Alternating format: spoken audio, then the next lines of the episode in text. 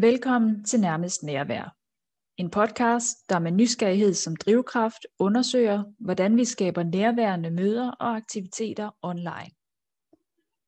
I hver udsendelse sætter vi sammen med en gæst fokus på, om og hvordan online nærvær adskiller sig fra andre former for nærvær, hvad nærvær betyder for online aktiviteter, og hvordan vi skaber nærværet. Bag podcasten står Annette Grundet og Anne Charlotte Petersen. Begge har gennem en lang årrække arbejdet og undervist online, både nationalt og internationalt, og med succes skabt nærvær, relationer og udviklende samarbejder i online miljøer. Sammen har de konsulentvirksomheden Grundet og Petersen. Du lytter til Nærmest Nærvær. Dine værter er Annette Grundet og Anne Charlotte Petersen. Vi sidder online sammen med dagens gæst, Christian Dietriksen, leder af Center for Væredygtighed. I Center for Væredygtighed er Christian drivkraft i at skabe opmærksomhed på begrebet væredygtighed, som blandt andet defineres som den indre omstilling, der går hånd i hånd med den ydre omstilling til bæredygtighed. Det gør Christian blandt andet ved at afholde konferencer, workshops og netværksaktiviteter, og det sidste år også online. Og han er pt. også i gang med at udgive en bog om emnet i Center for Væredygtighed. Og velkommen til dig, Christian. Tak. I forbindelse med, at vi hørte om begrebet værdygtighed for cirka halvandet år siden, stødte vi vist på det, der stødte vi også på jeres værdygtighedsspil, øh, som er det her dialogspil med spørgsmål til refleksion. Og et af de spørgsmål, de lyder, er du nærværende lige nu? Så vi synes, det var oplagt at invitere dig på en snak omkring nærvær, og hvilken plads det spiller i vores liv og i verden nu til dags. Men øh, allerførst kunne vi faktisk godt tænke at høre os, øh, hvad er egentlig nærvær for dig i din opfattelse? Uh ja. Et stort spørgsmål. Ja, et stort spørgsmål. Øhm, altså den klassiske, det er jo ligesom, jeg er til stede her, og min telefon er slukket, og jeg har en samtale med nogle mennesker, eller jeg sidder og mærker og lytter til naturen øh, på en eller anden måde, og min sensor er åbne. Og jeg tager noget ind, og jeg, jeg ligesom er i nuet, og sådan nogle ting. Jeg er øh, uddannet på musikkonservatoriet i øvrigt og spiller musik, og det er ligesom lidt af de steder, hvor, kan man sige, hvor jeg selv op en gang imellem kommer i nærheden af noget eller det her. Øh. Så en eller anden form for, øh, en eller anden form for tilstedeværelse i et nu, hvor, øh, hvor der måske ikke er så meget tankemøller. Meditation kan også være en vej derhen for mange. Men jeg, jeg, jeg synes også nogle gange, at det bliver sådan lidt, øh, det bliver også sådan lidt en, øh, en øh, at man for eksempel ikke kan være nærværende på Facebook. Det er jeg ikke helt overbevist om. Altså det er som om, at nærvær og Facebook, de hænger ikke sammen. Og det vil jeg, det tror jeg, det kan jeg, synes jeg, jeg synes, jeg kan mærke, at det gør de for det meste ikke. Men jeg er ikke klar til at afskrive, at, at man ikke også kan være nærværende øh, i en eller anden form for online sammenhæng, eller man ikke også kan være nærværende i et rum, samtidig med, at man er nærværende i en online sammenhæng, at de to ting ikke kan forbindes. Altså mængden, det er, hvor, hvor er mængden af nærvær? Hvor stor er den? Og er den måske altid konstant? Og er det bare et spørgsmål om, hvor den er henne? Altså, man kan også være nærværende i sin stress, måske. altså, øh, så, så måske er mængden af nærvær, den er bare den samme, og så er det som vores opfattelse af, af det, og vores begrebsliggørelse af det, og hvad vi så synes er godt nærvær eller dårligt nærvær, der så bliver oversat til nærvær. Altså det gode nærvær bliver oversat til nærvær, og det dårlige, det vi så ser som dårligt nærvær, det, det bliver ligesom, øh, det, det er så slet ikke nærvær, måske. Øh, men det tror jeg godt, det det er lidt en ny tanke for mig, kan jeg mærke, når jeg siger det, det her. Det er ikke noget, jeg har tænkt så længe over. Men, men, øh,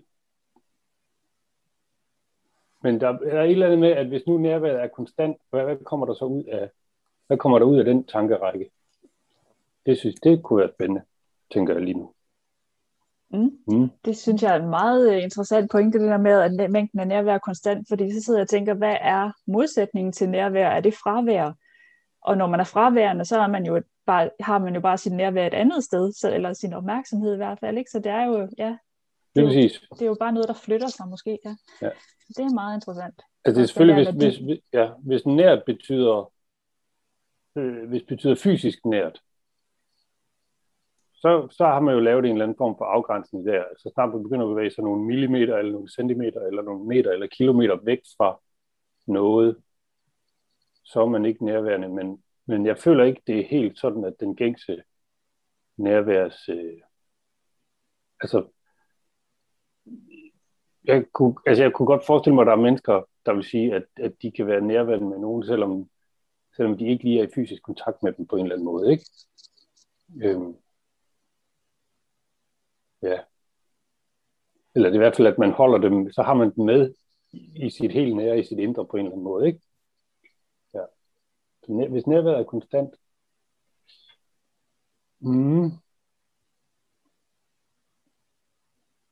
Nu sagde du det her med, at musikken måske var et af de steder, hvor du ofte kunne opleve øh, nærvær. Hvad er det i den situation eller den kontekst, som, som altså, understøtter det?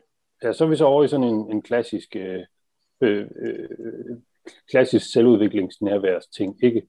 Øh, jamen, men der sker, der sker noget nogle gange, når man er i det, sådan et kunstnerisk skabende rum, øh, og giver sig hen til det, som er sådan en, øh,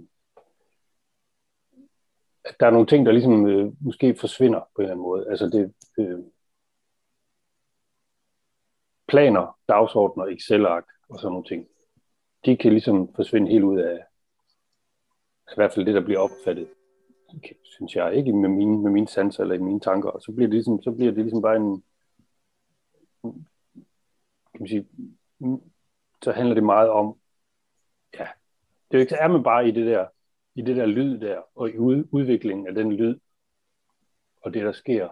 Øh, og det er jo typisk sammen med andre mennesker også, så det vil også hele tiden være noget med at øh, på en eller anden måde at være åben for input, som de andre musikere har. Øh, der, kan, der kan man godt, der kan jeg godt nogle gange, hvis jeg ikke sådan er helt opslugt af det, så kan jeg godt styre mit nærvær i det system. Ligesom at sige, nu er der en, der spiller solo, Øh, og så ligger der måske en, en, baggrund, øh, en baggrundstanke om, at når der en stiller sig foran op i, i solomikrofonen og trutter i en trompet der, øh, så, så vil publikum ligesom, så er det der fokus er. Nu prøver vi så at støtte op om det, om det centrum. Nu er der lige et nyt centrum. Lige for lidt siden var der, var der noget andet, der var centrum. Nu er centrum lige på den her trompetsolo, og så kan jeg ligesom sige, nu er mit nærvær så på fokusere mere ind på det, og hjælper øh, Scott, hedder han så måske i det her band, øh, et, jeg spiller i, der er en, der spiller trompet, der er Scott, Øh, og, og ligesom er med det, han laver som udgangspunkt, men det betyder ikke, at jeg nødvendigvis helt slipper, hvad der sker øh, over, ved, over ved trommerne. Jeg spiller selv percussion i det band, som slår på konga og koklokker og sådan noget. Men jeg slipper ikke nødvendigvis, hvad der sker andre steder, og nogle gange så kan der ske noget så øh, nærværsforstyrrende eller nærværssugende, at jeg bliver suget ind i det, selvom jeg lige havde sat mig for, at jeg skulle være over ved den her trompet, så sker der et eller andet over ved, i, ved pianisten, som gør, at oh, det skal jeg da være med på, eller nej, hvor spændende, eller, eller irriterende, hvis noget begynder at glide fra hinanden rytmisk, for eksempel, ikke? at man begynder, nu svinger det ikke mere, nogen er foran andre, eller et eller andet. At, så det er sådan hele tiden konstant, øh, jeg tror, vi står nok alle sammen, nu er vi 12 mand i det band der, vi står nok alle sammen, jeg er ikke inde i hovedet på de andre, eller inde i kroppen på de andre, men hvis det er lidt ligesom som jeg har det, så, så skifter det fokus i hvert fald imellem, hvor man har sin opmærksomhed, og hvor man har sit, øh, øh, ja, sit nærvær. Men det er jo lidt ligesom sådan en mixerpult, at der er aldrig helt slukket for nogle af knapperne, eller for nogle af faderne, altså, men, men nogle af dem kan være skruet længere op end andre, altså man kan have mere fokus på noget andet. Men, men det, er jo sådan, det kan jo så være sådan en mere eller mindre bevidst øh, øh, styring, eller, eller bare anerkendelse af, hvor man er henne med sin bevidsthed, eller sin, sit fokus undervejs. Men der kan også ske det, at man i perioder sådan forsvinder helt væk, og så vågner op bagefter og tænker, åh, hvad skete der lige der? Agtigt. Lidt ligesom hvis man er i en eller anden dyb meditation eller noget. Øh, øh, og, det, og det der space, der er jo vildt spændende at udforske.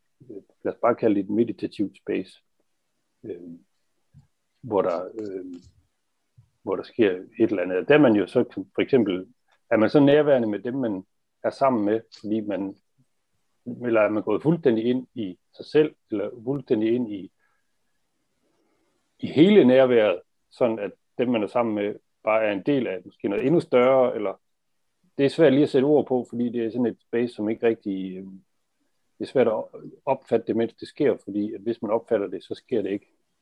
Det giver mening. Ja? Fuldstændig. det, det. Jo, jo men, men det er jo netop det, der er vel med nærvær, at så er vi der totalt, ikke? Altså, at, at øh, i det øjeblik, at vi, sådan som jeg hører det nu, tænker i det øjeblik, vi bliver opmærksom på, ej, hvor er jeg nærværende nu, så er jeg trådt ud af det. Ja. Fordi så er jeg et andet sted allerede i ja, mine ja. tanker om, ja. at ej, hvor er det fantastisk. Øh, eller noget andet, eller det, det er nok det, jeg har. Jeg kan have det sådan. det var sådan en indrømmelse her fra min side. Um, ja. ja, så det var bare, jeg tænkte, det gav fuldstændig mening.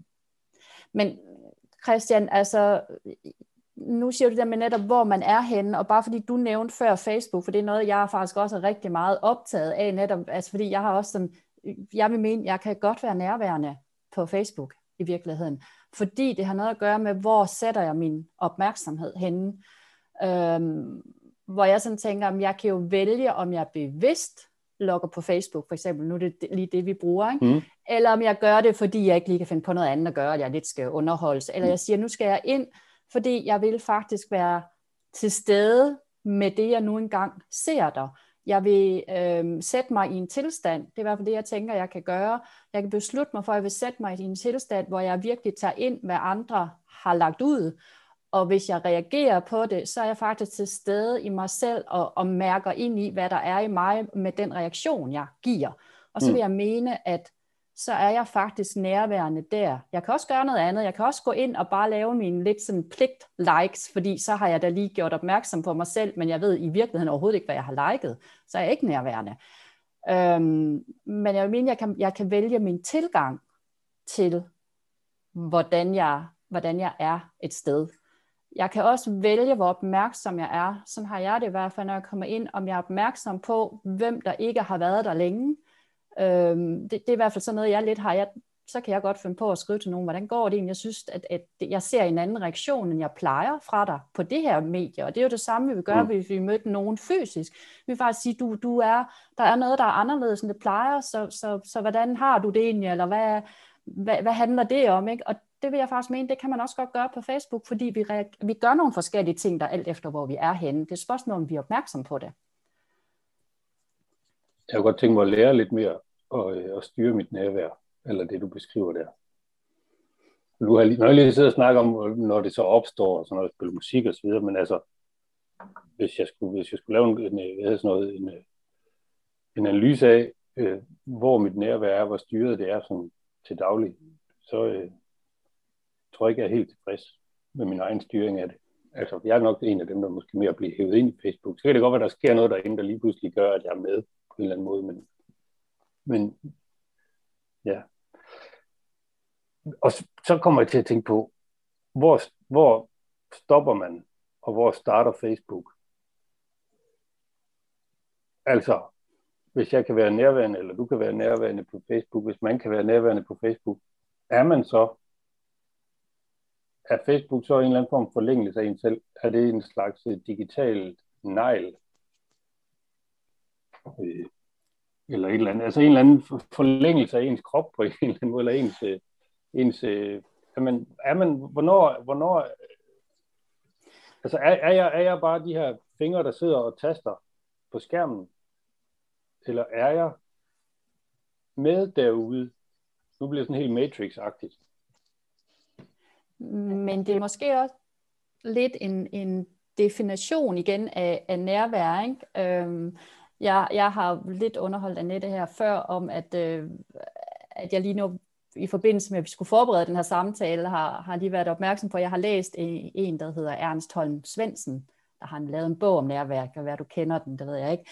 Nej. Men i hvert fald så skriver han, at øhm, sådan helt, så skriver han, at graden af nærvær er kun afhængig af én ting, os selv. Og at være nærværende er ikke en egenskab ved de ting, vi gør. Det er en egenskab ved den måde, vi gør det.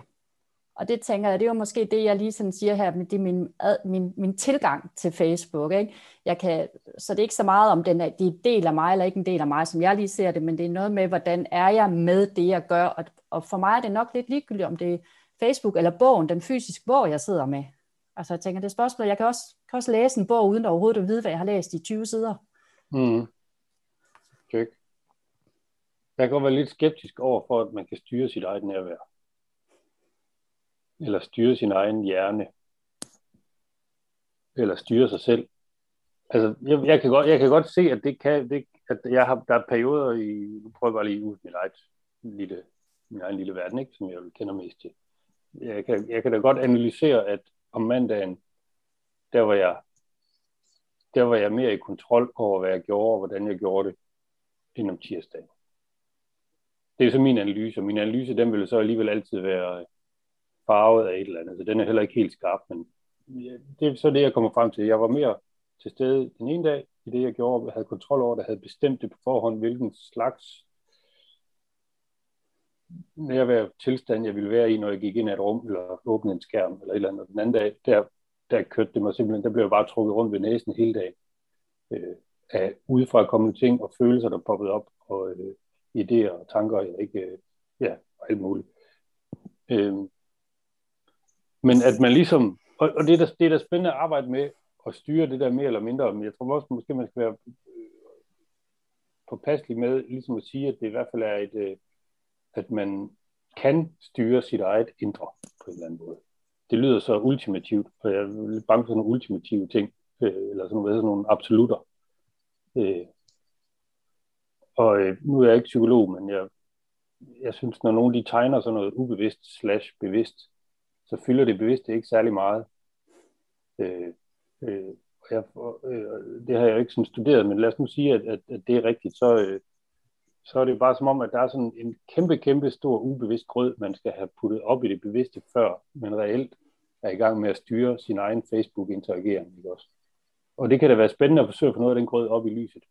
Øh, men at ligesom at tro, altså at tro på, at det kan lade sig gøre for hele grøden op i lyset, det, skal man, det, det kan måske være farligt på en eller anden måde, fordi så tror jeg, man går ud med nogle falske forudsætninger på en eller anden måde. Christian, jeg, Janette, jeg kan godt sige, at du vil også ind, men jeg, jeg, bare fordi jeg tænker, jeg, jeg er da enig i dig, med dig i, at, at det kan jeg jo ikke styre. Det kan godt være, at jeg sætter mig og tænker, det er sådan, jeg vil være til stede der, men det er ikke sikkert, at det lykkes for mig. Jeg tror mere, at det jeg har, det er, at jeg synes, der kan, det, det er egentlig det samme. Jeg kan i hvert fald vælge at sige, jeg kan bestræbe mig på samme måde at være nærværende, når jeg åbner for eksempel Facebook, som jeg bestræber mig på at være nærværende, når vi to mødes over en middag et eller andet sted, eller en kop kaffe, eller hvad vi nu gør. Fordi der vil jeg jo også okay. kunne komme og overhovedet ikke være til stede. Jeg skal stadigvæk, jeg, jeg, skal, jeg skal, på en eller anden måde, så skal jeg, skal jeg i hvert fald bestræbe mig på mm. at være i en given tilstand. Det er ikke sikkert, det lykkes mig, men jeg skal, jeg skal gøre nogle ting, tænker jeg, for at, at have muligheden for det. Og så kan jeg blive opslugt, som du også siger, så er jeg der bare, ikke? Men, men, Helt klart. Ja. Altså, hvis vi lige går tilbage til musiksituationen, så har vi jo også alle sammen i bandet vores egne små ritualer, enkeltvis og fælles, som vi ligesom har vores enkeltvis eller fælles erfaring for, gør, at det er lettere for os at være til stede, når vi så står der. Ikke? Det er alt lige fra, at monitoren står rigtigt, så jeg kan høre både det, jeg selv spiller, men også det lige præcis, de spiller, for det har jeg brug for på det tidspunkt, eller et eller andet, til, du ved, at øh, at man får tid til lidt sidenhed, at man har spist, at der ikke er for koldt, eller at man får snakket ud om et eller andet, eller du ved, det kan være alle mulige ting at, at mærke ind i sig selv, og øh, jeg var en periode, hvor jeg så stod lidt på hovedet, før jeg skulle på, øh, på scenen. Det virker rigtig godt. Det er jeg så gået væk fra igen. Det er sjovt lige komme til at huske det nu. Det skal jeg da. Tak for det. Det skal jeg da til at huske på at genindføre. Det synes jeg virkede meget godt. Øh, så, altså det der man forsøger at bringe sig selv i en tilstand, som man tror er, er gavnlig for, for, øh, for det næste øjeblik, ikke? Øh, det, det, det tror jeg det på er spændende, og man skal gøre. Øh, bare, det er bare realismen i det, at man ikke ligesom øh, tror, at nu kan man super optimere sig selv øh, til et eller andet 100%-agtigt. Ja. Og det selv tage styringen. Ja. ja. Det tror jeg er meget essentielt. Også det der, altså, ja, man kan bestræbe sig på det, man kan træne det, men man kan også prøve at understøtte det, og man kan sætte betingelserne for, for det, man nu ved virker bedst for en, og, og så skabe sine omgivelser, sådan at man har de bedst mulige betingelser for det. Jeg tænker, det er også noget af det, som vi i hvert fald forsøger, når vi laver online aktiviteter og bestræber os på at få nærvær ind i det, det er jo, at vi sætter nogle rammer for det, eller vi prøver at sætte nogle rammer, eller lave nogle aktiviteter, som understøtter det, så det ikke er op til udelukkende deltagerne selv at lave den fokus, eller det mm. nærvær, eller opmærksomhed, som det nu kræver at være nærværende, så vi, så vi prøver at invitere ind til det, og, og trække dem ind i vores nærvær på en eller anden måde, ikke? Øhm, så, så, så, så jeg tænker, man kan, man kan skabe rammer, man kan træne, man kan bestræbe sig på, men nej, man kan måske ikke styre det, fordi der er så mange andre ting, som spiller ind på, både om man fysisk og mentalt lige er der i dag. Ikke? Check. I den der bog der, du lige nævnte i starten, øh, øh, der er en masse folk, der øh, skriver nogle forskellige tekster om forskellige emner. Så har vi selv skrevet nogle få tekster også, men de fleste af dem, der er over 20 forfattere, skriver nogle forskellige emner, som passer ind i det her bæredygtighedsbegreb. Og øh, en af dem er Holger Bæk Nielsen, som er sådan en professor emeritus, hvis der er nogen, der kender ham. Og blandt andet er, og hans tekst er ligesom kommet frem efter alle mulige lange snakke, vi har haft med ham om, hvad det kunne være. Hvordan kan vi kvantefysik, hvordan kan det overhovedet have en plads inde i en bog om bæredygtighed? Og det, det er der så kommet en tekst ud af. Og øh, jeg ved ikke helt, om, om vi, eller det er ultimativt, er det Holger, der skriver teksten jo, men om processen har fået, har fået svaret frem, i hvert fald forsøgt. Og, og en af de ting, han så lige vender, det er så fri vilje. Øh, altså fra et kvante, eller fra, ja, fra fysikkens synspunkt, ikke? Altså findes fri vilje, som måske også passer ind i den her, den her sammenhæng. Øh, og øh, jeg tror, at Holger når frem til, at, at fri vilje ikke findes, øh, øh både ud fra gammel fysik, og ud fra kvantefysik som sådan lidt nyere teori. Altså i den gamle fysik, det er sådan, som hvis man vidste noget om et atom, du vidste, hvor det var, og hvad det havde gang i, og hvilke pro, pro, altså hvad det, hvad, hvad det ligesom bestod af, og hvad, den, hvad sådan noget, attributter var, så vidste du også, hvor det var, og hvordan det ser ud, og hvad hvad det gjorde i det næste splitsekund. Altså, så hvis du har informationen om et system, i det her tilfælde var det meget sådan små systemer, ikke? altså et enkelt atom, så ved du præcis, hvad det gør lige om lidt. Øh, og det er jo så termin, determinismen, ligesom at okay, så må der jo være en information om alle atomer i hele universet. Vi har den bare ikke, men den findes. Øh, øh, og med den information, så ved vi lige præcis, hvordan alle atomer og alt energistruktur ser ud i næste splitsekund også, og så i næste og så videre. Determinisme. Ikke? Og i det, i det felt der, så, kan man, så er der ikke noget, der hedder frivillig. Øh, og det, det, der, det kan man finde masser af videoer på nettet, der forsøger at forklare, og hver eneste gang, så bliver jeg overbevist om, at der ikke er fri. Så kommer der så noget ind, der hedder kvantefysik, ikke? hvor der er så noget med, at for eksempel, at, at en partikel kan være to steder på én gang. Indtil man spørger den, hvor den er, så, siger, så siger, så bestemmer den for at være et sted. Men når den er, eller den kan også være, den kan være mange steder, ikke bare to, men uendelig mange steder på en gang, tror jeg. Øh, og det er sådan noget, man ikke kan forstå med sin logiske hjerne, og jeg, jeg forstår det ikke, øh, og, øh, men det er også noget med, at det er ikke sådan, at det nødvendigvis er der, men det måske er sådan lidt alle steder, eller er sådan lidt statistisk alle steder, øh, på en eller anden underlig måde. Men det er tilfældigt, siger Holger. Altså, det er tilfældigt, hvor den er. Det, det, det kan ikke, så, så hvis der ligesom kommer noget oven i det der med at determinismen, så vil det være en tilfældighed i hvert fald. Og det lyder heller ikke særlig frit, at udover at der er noget, der bare kører på skinner, fordi det kom fra nogle skinner, og det fortsætter ud af de skinner, så er der et lag af tilfældighed ovenpå, eventuelt nede på et kvantefysisk plan. Og det kan jeg jo heller ikke styre så. Men så kan det være, at skinnerne lige pludselig tager en lille drejning. Men det var tilfældigt. Så den frivillige får han vist nok skudt ned, hvis jeg forstår hans tekst rigtigt. Det er jeg så heller ikke sikker på, at jeg gør. Men den får han ligesom skudt ned. Han giver den lige en chance med, med noget tilfældighedsaløje. Men, men det synes han så alligevel heller ikke rigtig er frit. Så det vil jeg jo egentlig give ham ret i. Nå, så, så hvis vi ikke har nogen fri vilje, øh, men den, vi bare har øh, determinisme plus, plus en lille smule tilfældighed, vi heller ikke råder over, så er det jo svært at bestemme sig for at være til stede på Facebook. Eller nogen som helst andre steder, vel sagtens. Ja. Det, ja. det er kun det, der er min pointe egentlig, øh, at, ja. at jeg tænker, at altså, på den måde er der ikke nødvendigvis forskel på, om det er på Facebook, eller hvis vi sad over for hinanden. Jeg kan være lige fraværende i begge tilfælde. Ja. Og, ja, og en krølle, en krølle på det der, undskyld, det der øh, fysik, der er jo så også, man skal lige huske, at når man går til de der fysikere, de har fået på øl og prikker til dem, lige, altså i starten, så siger de, at ah, vi har den her teori, vi har fundet ud af alt det her, og det her, det, det her det er rigtigt, det tror vi på. Når man så spørger til, hvor meget de så egentlig har fundet ud af, så siger de, at vi har nok kun fundet ud af 10-15 procent af, hvad der er at finde ud af. Altså, ikke? Så, så, og, og, og de der teorier ændrer sig også undervejs, ikke? Øh, som de finder ud af mere. Der er for eksempel alt det der mørke stof, de tror er der, men ikke aner hvad. Anyway, øh, så, men Holgers tekst er et øjebliksbillede på, hvor han synes i hvert fald i forhold til, om vi har en fri vilje eller ej. Ja, mm. det kan man så tage til sig. Eller ej. Mm. Spændende.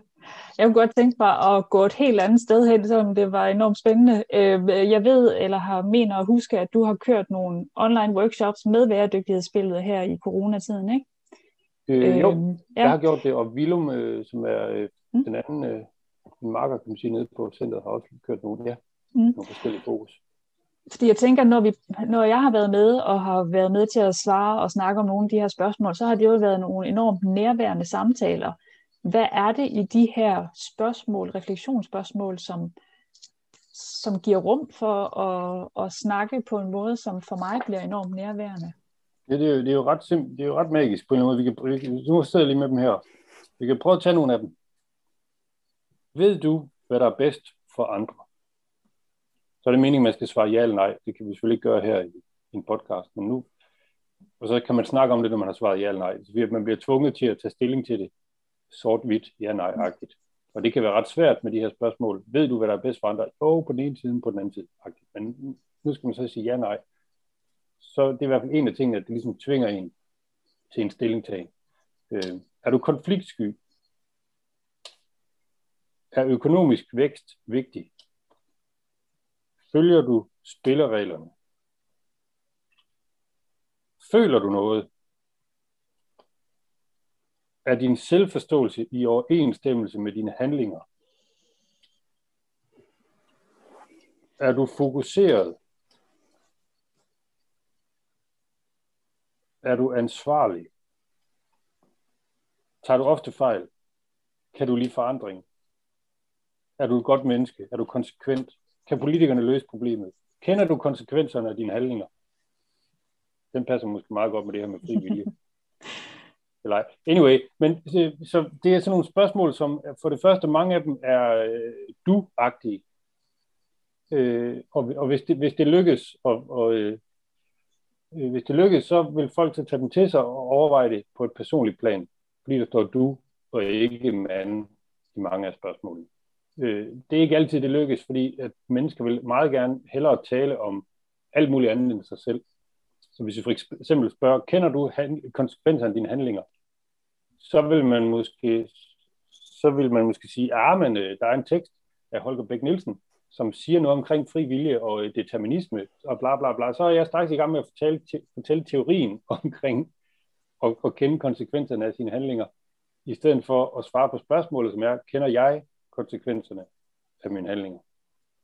Men på en god dag, så lykkes det, så rammer de så nogle folk, eller så rammer det, og så begynder man at snakke om sig selv. Og der er et eller andet med, tror jeg, hvis, hvis man alligevel skal måle nærvær, så er det jo også noget med at være nærværende forankret i sig selv på en eller anden måde. Ikke? At det er relevant for en selv øh, tankemæssigt, men man måske også er til stede i sin krop, eller er, er i kontakt med den, eller på en eller anden måde. Det tror jeg, jeg ved ikke lige, hvordan det sker, men det, det har bare en effekt udad til. Øh, så, så det er en ting, som de her spørgsmål kan, tror jeg, på en god dag, det er, at, at folk lige tjekker ind med sig selv øh, på forskellige vis, og så, så taler de så videre derfra. Øh, en anden ting er også, fordi det er sådan duagtigt, når så folk begynder at dele, om de kender for eksempel konsekvenserne af deres egne handlinger, så sker der noget, når man hører nogen fortælle noget personligt, så får man også lyst til selv, øh, altså så bliver man tryg ved sig selv og dele lidt personligt, og lige pludselig så har man en ret personlig snak, nogle gange med mennesker, som aldrig har mødt hinanden før, som sidder over for en computer og snakker ind i en skærm bestående af pixels, som jo i princippet kunne være øh, deepfakes, ikke? Altså, øh, men, de, men, men, men, men de, ligesom, man giver sig selv lidt mere, fordi man har hørt nogen dele noget personligt, får man selv lyst til at eller åbne op for sig selv og dele noget personligt, så har man ret personligt, nogle gange helt privat snak med mennesker, som ikke kender hinanden, som aldrig har mødt hinanden. Øhm, så, så det, tror jeg også, der er et aspekt af, at mange af spørgsmålene er sådan lidt eksistentielle på en eller anden måde. Øhm, eller hvad kan vi finde på? Tager du med til Mars? Er det eksistentielt? Hmm. Er du bange for at dø? Det må næsten være eksistentielt, ikke? Mm. Og sådan nogle ting. Altså nogle af dem er ret sådan, øh, er ret sådan nogle dybe filosofiske spørgsmål. Hvad går det hele ud på, agtigt? Øh, og, og hvis, hvis folk formår at connecte med det, eller vi forstår at lave rammen for at ligesom connecte med, med det, så, så hjælper det også til, at, at snakken lige pludselig bliver vigtig på en eller anden måde, og ikke bare kommer til at handle om, øh, om skattetrykket skal være 42 procent eller 44 procent, eller om man nu kan komme til frisøren eller ej, og er det irriterende på grund af corona.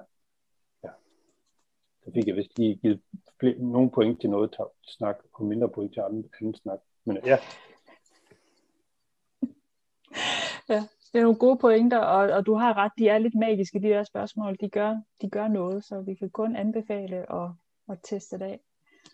Ja, jeg vil også sige, øh, vi har jo også prøvet at bruge dem også til sådan et online møde, altså hvor netop at, at hele stemningen omkring, hvad der foregik, simpelthen ændrede sig ikke i det øjeblik, vi trak de her spørgsmål frem, og, der virkelig var nogen, der havde det sådan, jamen det her det er faktisk det mest værdigivende af vores møder, vi har haft endnu, mm. fordi vi netop bliver, øhm, tror jeg også personligt og vedkommende, simpelthen gennem de spørgsmål, så vores samtale forandrede sig. Ja. Jeg har også begyndt at bruge dem som det første, faktisk, når jeg, når jeg kan. Altså, hvis jeg for eksempel holder en workshop, en længerevarende ting eller et eller andet, så er det tit, så vil folk gerne have puttet tingene i en ramme. De vil godt finde ud af, hvem er jeg, hvad er Center for Væredygtighed, og hvad er væredygtighed? Hvorfor er jeg her, hvad kan jeg få ud af det? Eller et eller andet, ikke? Det, det er typisk sådan nogle ting, man godt vil have på plads, for man overhovedet kan lytte på, hvad der foregår på en skærm. Så derfor så vil et foredrag tit starte med, at jeg hedder det, jeg har den og den baggrund, vi skal tale om det og det og det, og når vi er færdige, så kommer der det og det ud af, og det vi skal tale om, det vil jeg lige forklare, hvad det er. Det her bæredygtighed, det er så det og det og det, og det, og nu kan vi så gå i gang. Og det kan der gå 5 til 10 til 15 minutter med, Især fordi det her begreb bæredygtighed kan lidt, lidt svært at forklare. Øh, for, altså, hvad er det indre, og hvordan hænger det sammen med det ydre og sådan noget. Men jeg oplever også, at, at det kan godt være, det er sådan en gængs måde at gøre det på, men, men, men, men, men, men det er som om, hvis jeg bare smider syv spørgsmål på banen til at starte med, så har de slet ikke brug for det der. Altså, så er vi bare i gang på en eller anden måde. Så er, det, så er vi med. Altså, så er vi landet, og vi er i os selv, og vi, er, og vi og, og så, kan, så behøver man ikke så meget den der øh, afklaring af, hvad der, hvad der foregår i rummet. Rumanalyse, hvad hedder sådan noget?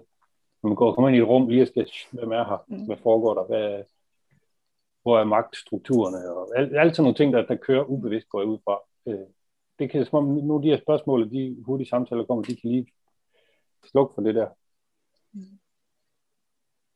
Mm.